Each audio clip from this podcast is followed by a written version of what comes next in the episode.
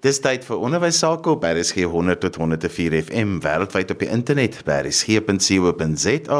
Onthou jy kan ook na ons luister op die DSTV se audiokanaal 813.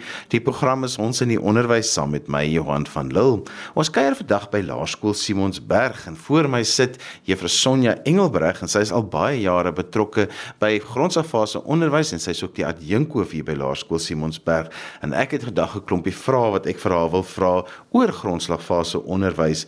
Die een groot ding wat ons wil oor praat Sonja is wat is tans die grootste probleme waarmee onderwysers in grondslagfase elke dag mee te doen het in die klaskamer? Ehm um, goeiedag Johan en ehm um, goeiedag ook aan al die ehm um, luisteraars. Baie dankie vir die voorreg wat ek het om ook my uh, stywer in die armbees te gooi. Ehm um, hier is 'n hele paar kontekstuele faktore wat ehm, 'n um, rol speel in wat probleme veroorsaak in klasse vandag. Ehm um, nie net in my skool nie, maar reg oor ehm um, ek dink oor Suid-Afrika en dan ook wêreldwyd. Oorvol klasse is natuurlik een van die grootste probleme waarmee onderwysers sukkel. En as ek praat van oorvol klasse, dan praat ek van meer van Novi schools waar kinders van 65 tot 70 in 'n klas sit, aangesien die beheerliggaam nie geld het om nog onderwysers aan te stel nie. Ehm um, ons is in 'n bevoordeelde posisie waar ouers skoolfonds betaal um, en dan kan ons SPL opvoeders aanstel wat dan die kinders af die getalle afbring na so 36. Ons grootste klas is in graad 7 so 40. So oorvol klasse is definitief 'n groot probleem. Dissipline, dink ek gaan alle onderwysers met my saamstem, is 'n baie groot probleem. Ek dink is 'n nuwe generasie ouers se kinders wat ons groot maak of wat ons in ons klasse het. Ander tipe van dissipline wat dalk toegepas word by die huis as was as wat toe ek en jy um klein was. Ons weet daardie lat gepraat en vandag kan dit mos nou nie meer gebeur nie. Kinders het ook gedragsprobleme omdat hulle gedwing word om in die hoofstroom te wees en hulle dalk nie verstandelike vermoë het om in die hoofstroom te wees nie. Baie kinders word getoets deur 'n sielkundige en dan is hulle kognitief gestrem, maar dit is 'n baie baie lang proses om leerders dan um, in 'n spesiale skool te kry. Dis nie vir ons 'n probleem nie want ons is 'n inklusiewe skool en inklusiwiteit is iets wat baie hoog op die agenda is deesdae, maar dit is tog belangrik dat 'n kind hanteer word volgens sy behoeftes. So dit is nogal vir my 'n groot probleem want leerders um, is gefrustreerd, hulle raak stout as ek sê stout in aanhalingstekens omdat hulle dan in 'n klas sit waar hulle nie hoort nie. Want in groter klasse, ek meen selfs 'n klas van 40 is 'n groot klas. Het 'n onderwyser nie altyd die kapasiteit om dan nou daardie ekstra aandag te gee nie doodreg. Ja, jy kan nie want hierdie kind verg ekstra aandag. Jy moet nou op sy vlak met hom werk. Dit is wat inklusiwiteit ook dan nou ehm um, behels. Maar ehm um, hulle is ook baie keer as hulle gedrag anders as die ander kinders. So hoe straf jy 'n kind? Straf jy 'n kind as hy die reëls oortree en die ander sien hy kom weg met iets as jy hom nou los omdat jy weet hy het 'n spesifieke probleem. Ons het ook leerders wat autisties is, wat funksionerend is, maar ons het ook een of twee leerders wat autisties is wat in 'n spesiale skool hoort, maar daar is net nie plek nie. So ons moet hulle ook akkommodeer. ADD kinders, ADHD kinders, ehm um, wat dan nou probleme in die klas gee tot 'n minder of 'n meerdere mate. Ehm um, daar's ook eksterne faktore soos wanvoeding, kinders wat hongerskool toe kom. Baie skole het soos die Novi schools het uh, voedingsskemas wat die staat uh, subsidieer, maar ander skole, ex-model C skole het dit dan nou nie. Sonja wil gou terugkom na die ADHD kinders wat jy gesê het, meeste van julle kinders het nie mediese fondse nie, so hulle moet die staatsroete volg as dit kom by daai tipe dinge. So dit vat ook nog lank om vir hulle bemedikasie en dinge te kry. Uh, ja, dit is 'n baie lang proses. Ehm um, die kind word eers by die SBST span bespreek. Dit gaan deur 'n hele paar uh, roetes voordat die skoolsielkundige die kind toets en slegs met 'n toetsing, 'n positiewe toets van ADHD, kan die kind dan na die kliniek verwys word as die ouers nie 'n mediese fonds het nie en dan word hy eers deur die dokter gesien, uh, Ritalin of konserte afhangende van die ouderdom word voorgeskryf en dan is daar 'n trial period as ek dit so kan noem wat die kind op die Ritalin is om te kyk of dit werk, weer vorms wat ingevul moet word, word die dosis verhoog, word die dosis verlaag of is dit die korrekte dosis. So ja, baie ouers weier ook, um, sekere kulture hou nie daarvan dat hulle leerders op medikasie is nie. Ek vind ook dat sommige onderwysers net as 'n kind dalk net 'n bietjie stout is, dink hy moet Ritalin kry. Ek is teen dit wat dit betref, maar in sommige gevalle het kinders regtig 'n Ritalin nodig om hulle te fokus en dan ook hulle gedrag te help beheer. Ons kinders het ook 'n baie lae spiertonus, ehm uh, midline kruising is 'n probleem, ehm um, swak postuur, ehm um, en daarvoor het hulle arbeidsterapie nodig. En weer eens moet ons die staatsroete dan nou volg ehm um, behalwe as 'n ouer mediese fonds het om dan nou 'n kind by 'n arbeidsterapeut uit te kry. En dan CAPS, ek dink baie opvoeders gaan met my saamstem. CAPS se werkslading is baie. Met ander woorde, dit voel vir my en dit is net my persoonlike opinie of werk nie goed vasgelê word nie. 'n Kind moet aangejaag word om aan te gaan na die volgende ding want CAPS sê so. En dan is die vorige werk nie vasgelê nie en jy kan tog nie voortbou op iets as dit nie goed vasgelê het nie. So CAPS het ook vir my ehm um, daar 'n bietjie van 'n leemte wat dit betref. En dan het jy natuurlik leerders in jou klas wat op verskillende vlakke funksioneer. Ehm um, ook leerders wat deur die departement oorgeplaas is. Ons het byvoorbeeld leerders in graad 2 wat nooit die slaagvereistes in graad 1 bereik het nie, maar dan oorgeplaas word. Die slaagvereistes is 'n 4 vir huistaal, 'n 3 vir eerste addisionele taal en 'n 3 vir wiskunde. Maar nou kom kry 'n kind 'n 3 vir huistaal. Hy kan nie lees nie, maar sy ander komponente van huistaal trek hom deur, soos luister en praat of sy klanke of dit, dan word die kind oorgeplaas bloot graad 2 toe. En dit veroorsaak ook dat die kind dan heeltemal uitval in graad 2, want graad 1 is nie gekonsolideer nie.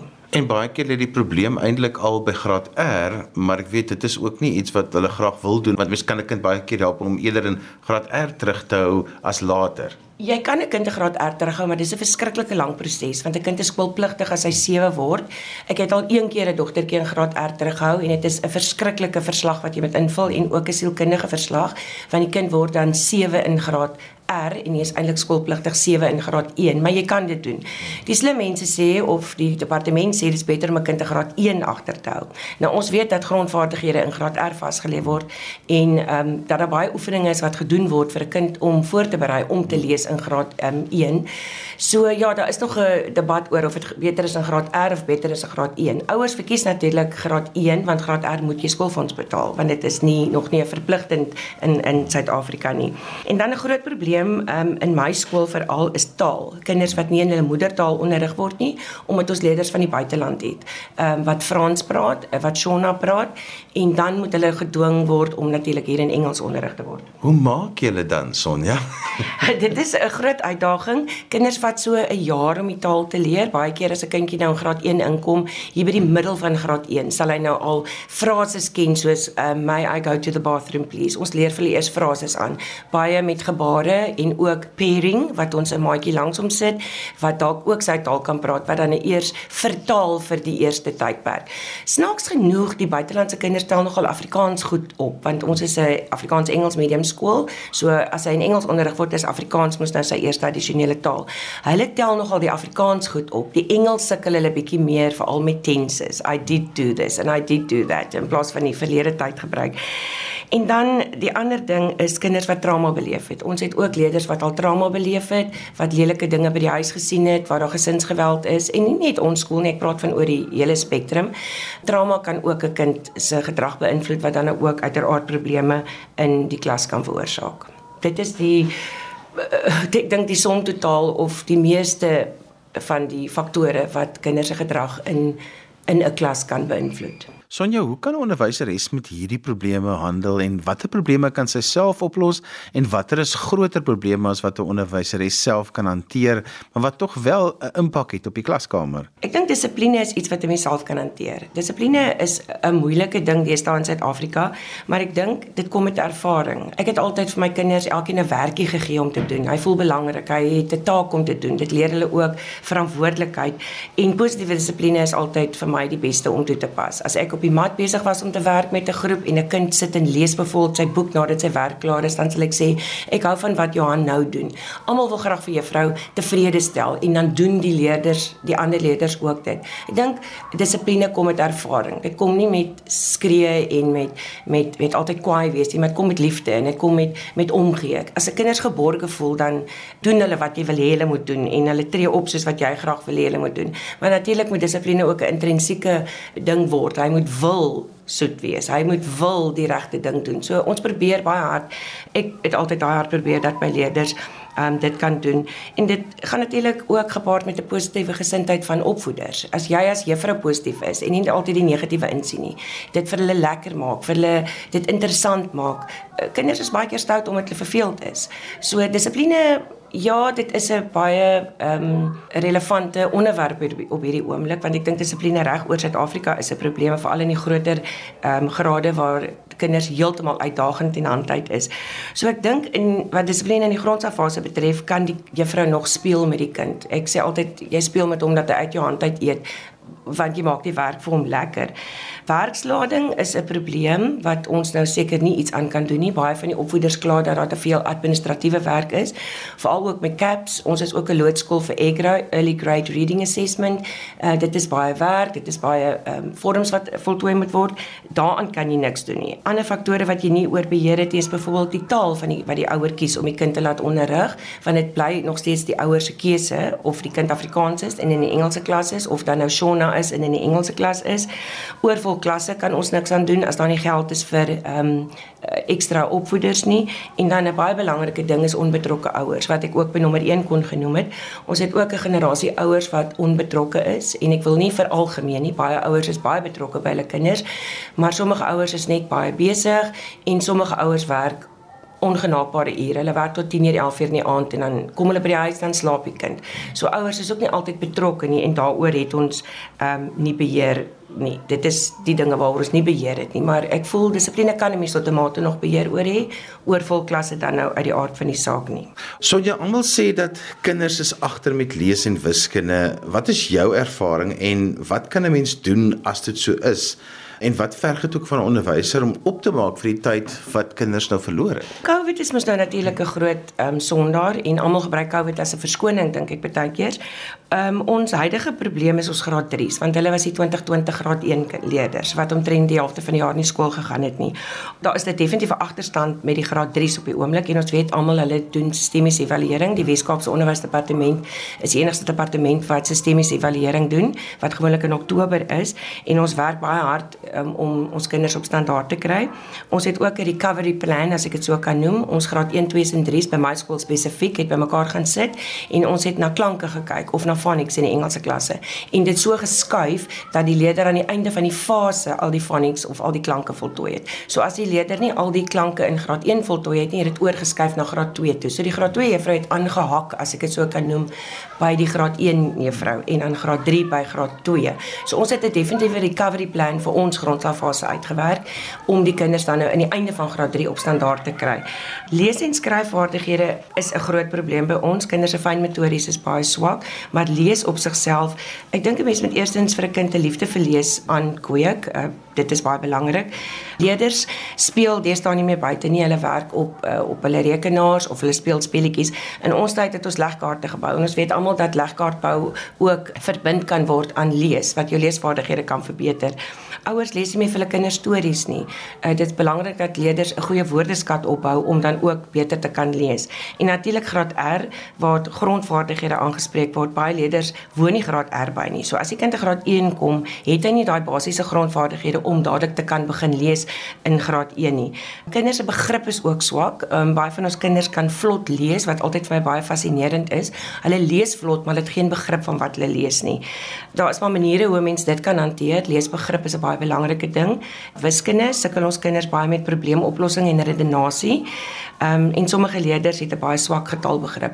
Wat ek altyd sê is gaan terug na die basies, gaan terug na konkreet. Ons wil te gou abstrakt werk. Jy werk konkreet met 'n kind, dan sê jy konkreet en dan abstrakt. As 'n kind nie verstaan nie, ek het nou 'n tyd lank in 'n graad 2 klas afgelos, het ek graad 2's teruggevat mat toe met konkrete apparaat. Pak vir my 12 uit, 'n groepie van 10 en 'n 2. Leerders dink 12 is 'n 1 en 'n 2. Sodra kind dit vir jou sê, het hy geen getalbegrip nie, want dit is 'n 10 en 'n 2 en 0 is 'n plekhouer.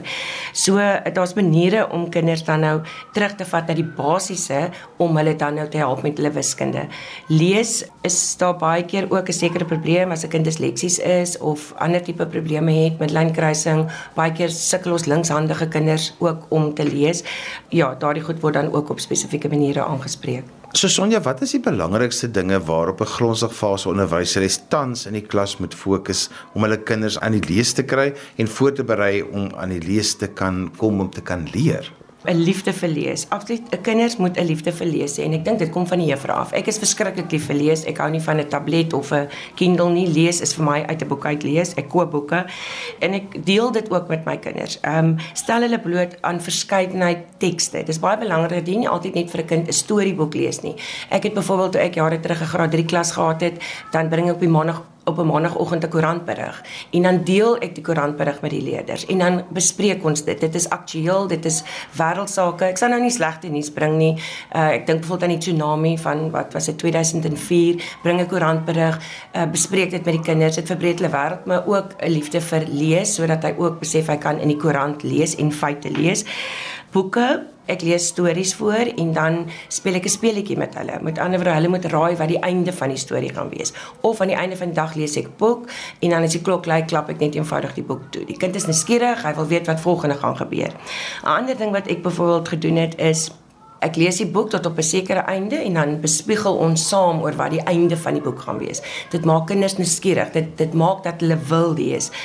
In die kleiner klassies uh jare terug in 1991 toe ek begin het, het ons oorfone gehad wat ons leerders dan met 'n boek laat sit het en hy saam gekyk het na die woorde alhoewel hy nog nie kon lees nie. Dit was graad 1 en dan luister jy na die storie en jy volg die woorde en jy kyk na die prentjies. Hulle geniet dit ook.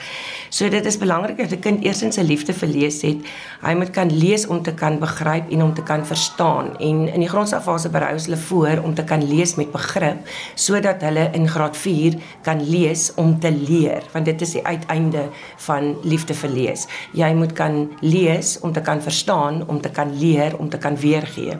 So liefde vir lees dink ek hang baie van die opvoeder af. Baie kindertjies wat sukkel en nie kan lees nie, kan mense nog steeds op hulle vlak help sodat hulle ook 'n mate uh, beleef van ek het iets bereik daar's verskillende maniere, daar's verskillende metodes, daar's verskillende goedjies waarmee jy dit vir hulle lekker kan maak. En dan natuurlik, as jy lees aanleer, moet jy 'n spesifieke leesmetode hê. Jou skool moenie rap roep wees en hierdie juffrou doen dit en daai juffrou doen dat nie.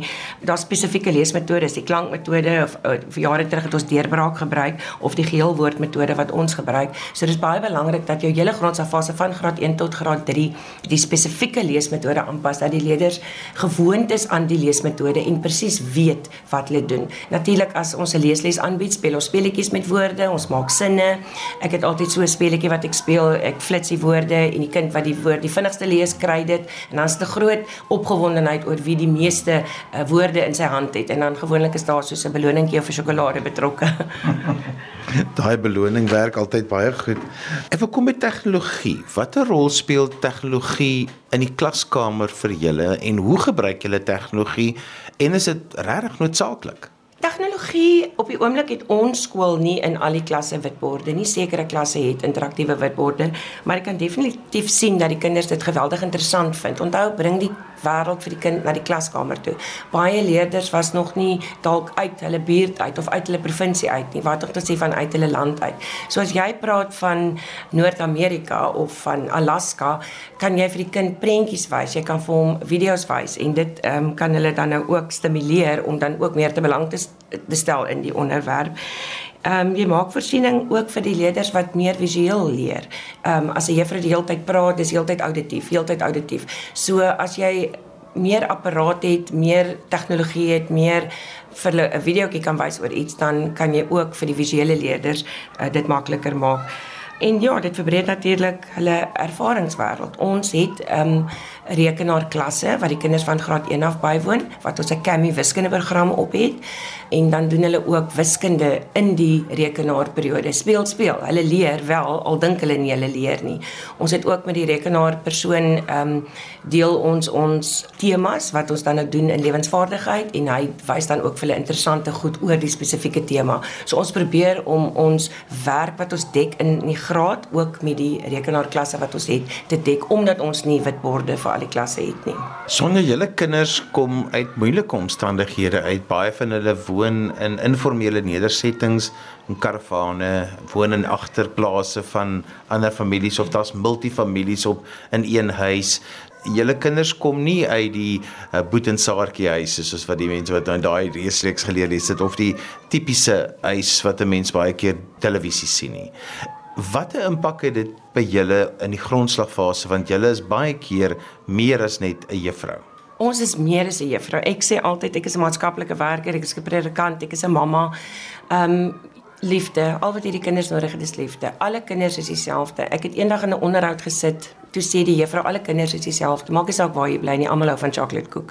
So ons kyk na al die kinders as dieselfde. Jy is vir my dieselfde as die kind wat langs jou sit. Ja, jou behoeftes is dalk anders. Ja, jy is dalk het dalk 'n agterstand op sekere gebiede omdat jy nie blootgestel was of gestimuleer is as kleuter nie. Maar ons hanteer al die leerders dieselfde. Jy probeer natuurlik jou bes om die agterstand van sekere leerders op te vang. Maar almal se omstandighede verskil en soos jy weet, omstandighede het 'n groot verskil op jou um, om te kan leer ook. Ek het nie altyd vanaand krag om te leer nie. Wel, die meeste van ons het, staan nie met beerdkrag nie, maar ehm um, die die kind het nie uh, fasiliteite by die huis om te leer nie. Daar's niemand om hom te help nie. Ons vind ook dat van ons ehm um, buitelandse kinders niemand het om hulle met Afrikaans te help nie. Alhoewel ek vroeër gesê het hulle vang dit maklik op, maar as hy byvoorbeeld met mondeling doen, dan is daar niemand om hom te help nie. Maar dit is 'n uitdaging om leerders van reg oor my ons area saam te trek in een klas, maar ons kry dit reg. En kinders is baie liefdevol in die grondsafase. As daar 'n maatjies wat sukkel, ons deel. Voor Covid moet ek ook sê, ons deel. En ons juffrouens se sakke is diep. Ons koop maar as daar nie skryfbehoeftes is nie. So ons doen regtig ons bes en stap 'n ekstra myl vir die kinders. Ons het ook baie pragtige ouers wat vir ons help. As daar dalk 'n leerder is wat skryfbehoeftes kort, dan vra ons hierdie mamma en sy koop. Maar ons kry hulle almal, hulle is in een klas, hulle is almal ewe belangrik. Sonja, iets anders wat julle ook baie te doen kry is ouers wat nie gewoond is aan hoe werk skool nie. Omdat julle is 'n baie formele skool, julle is 'n skool wat nie julle standaarde kompenseer nie. Ouers moet inpas by die skool, ouers moet die dinge volg soos wat die skool graag wil hê. Hoe hanteer julle dit wanneer ouers nie regtig die etiket en die dinge rondom die skool besef nie wanneer kom sit hulle hier by jou en hulle verstaan nie regtig die belangrikheid van sekere dinge of hoekom jy sekere maniere doen, wat die dissipline in die klas is wat moet deurtrek huis toe nie, al daai dinge. Ons het 'n oplossing vir dit ook gevind. In die grondslagfase het ons oop dae. Dit is nou voor Covid, maar ek probeer gaan probeer om dit volgende jaar weer terug te bring. Ons nooi ouers in die klas in vir 3 dae. 'n Groepie ouers kom byvoorbeeld Maandag, 'n ander groepie ouers Dinsdag en 'n ander ouer groepie ouers Woensdag. Hulle kom kyk hoe ek werk. Hulle kyk wat die dissipline in die klas is. Hulle kyk wat die metodes is wat ek volg. Hulle kyk hoe die kind se dagprogram verloop sodat hy ook kan verstaan hoekom sy kind met sekere goed huis toe kom wat hy moet doen dit werk vir ons fantasties. En dan 'n uh, ander probleem wat ons aangespreek het is ouers wat nie weet om leerders met huiswerk te help nie. So ek het in die grondslagfase 'n inligtingsaand ingebring. Ons het twee inligtingsaande per jaar. Ehm um, een in die een helfte en een in die tweede helfte van die jaar waar ons dan vir ouers wys hoe doen 'n mens tuiswerk met 'n kind. Ek en jy weet ons praat van b vir bal of d vir donkie. Ouers praat van a of b of c of 'n uh, uh, a, 'n b en 'n c. Um, ons gebruik fonetiese taal as ons 'n kind leer klank. So al hierdie goed word aan die ouers verduidelik. Hulle sê ook baie keer, "Ag, die wiskunde is Grieks, dis nie soos ons dit gedoen het nie." Dan wys ons hulle op die inligtings aan. Dit is hoe ons 'n plus pylnotasie som doen. Dit is hoe ons deling doen. Dit is hoe ons ehm um, tafels aanleer. So dit help verskriklik baie want sommige ouers wil regtig hulle kinders help, maar hulle weet nie hoe nie. Bloot omdat dinge al so verander het dat dit anders is as wat toe hulle op skool was. So ons ehm um, ja, ek gaan in gesprek met ouers, kinders wat probleme gee, gaan ons in gesprek mee en verduidelik dit is hoe dit werk in die skool. Hierdie is die reëls wat ons volg, maar wat akademie betref, het ons 'n plan gemaak met oop dae en inligtingsaande. Laerskool Simonsberg is bekend daarvoor dat jy kompenseer nie op standaarde nie. Jy hou julle standaard. Hoe kry jy dit reg om jou onderwysers te motiveer want dit waarmee ons altyd werk in die klaskamer, jy sê aan die begin ook gesê daar's soveel uitdagings rondom die tipe kind, die probleme van die kind. Hoe motiveer jy die onderwysers om elke dag elke klein dingetjie wat ons vorentoe beweeg tog raak te sien en dan ook te vier en dit te celebrate soos die Engelse sal sê? Mense wat hier skool gee, wil hier skool gee. Ek is al, dit is my 32ste jaar hier en ek wil nêrens anders skool gee nie. Ek dink die kind die die opvoeders hier het 'n liefde vir die kinders en in die grondslagfase is ek baie baie baie gelukkig om 'n ongelooflike span te hê. Ons het 'n departementshoof in elke graad en dan 'n graadleier in elke graad en al die grade beplan saam. Ons motiveer mekaar. As daar probleme is, my deur is altyd oop. Hulle kom na my toe. Ehm um, maar ek dink die heel belangrikste ding is dat ons saam staan en die liefde wat ons vir die kinders het. En ek het ook 'n mentorskapprogram by my skool. Met ander woorde, 'n nuwe onderwyser wat inkom, uh, word gekoppel aan 'n departementshoof of aan 'n senior persoon in die grondslagfase en ons leer jou skool gee as jy nie kan skool gee nie. Jy kom by 'n skool aan met boekekennis, maar ehm um, dit is tog nog 'n kultuurskok as jy in 'n klas instap um, en hierdie 36 kinders sit voor jou. Baie studente sukkel om die transisie te maak van 'n student tot 'n volwaardige onderwyseres. Dit is my klas, my verantwoordelikheid, maar geen juffrou by my skool loop alleen nie. Ehm um, daar is iemand wat saam met jou loop en dan hou ek natuurlik ook 'n valkoog. En so gesels Juffrou Sonja Engelbregt sy se adjunkhoof by Laerskool Simonsberg in Kraaifontein en ons vandag 'n bietjie gesels oor al die probleme wat 'n grondslagfase juffrou in die klaskamer elke dag mee gekonfronteer word. Onthou jy kan weer na vandag se program luister as 'n pot gooi. Laai dit af by skep.co.za. Skryf gerus vir my 'n e e-pos by Johan van Lille by gmail.com en daarmee groet ek dan vir vandag tot volgende week van my Johan van Lille. Totsiens.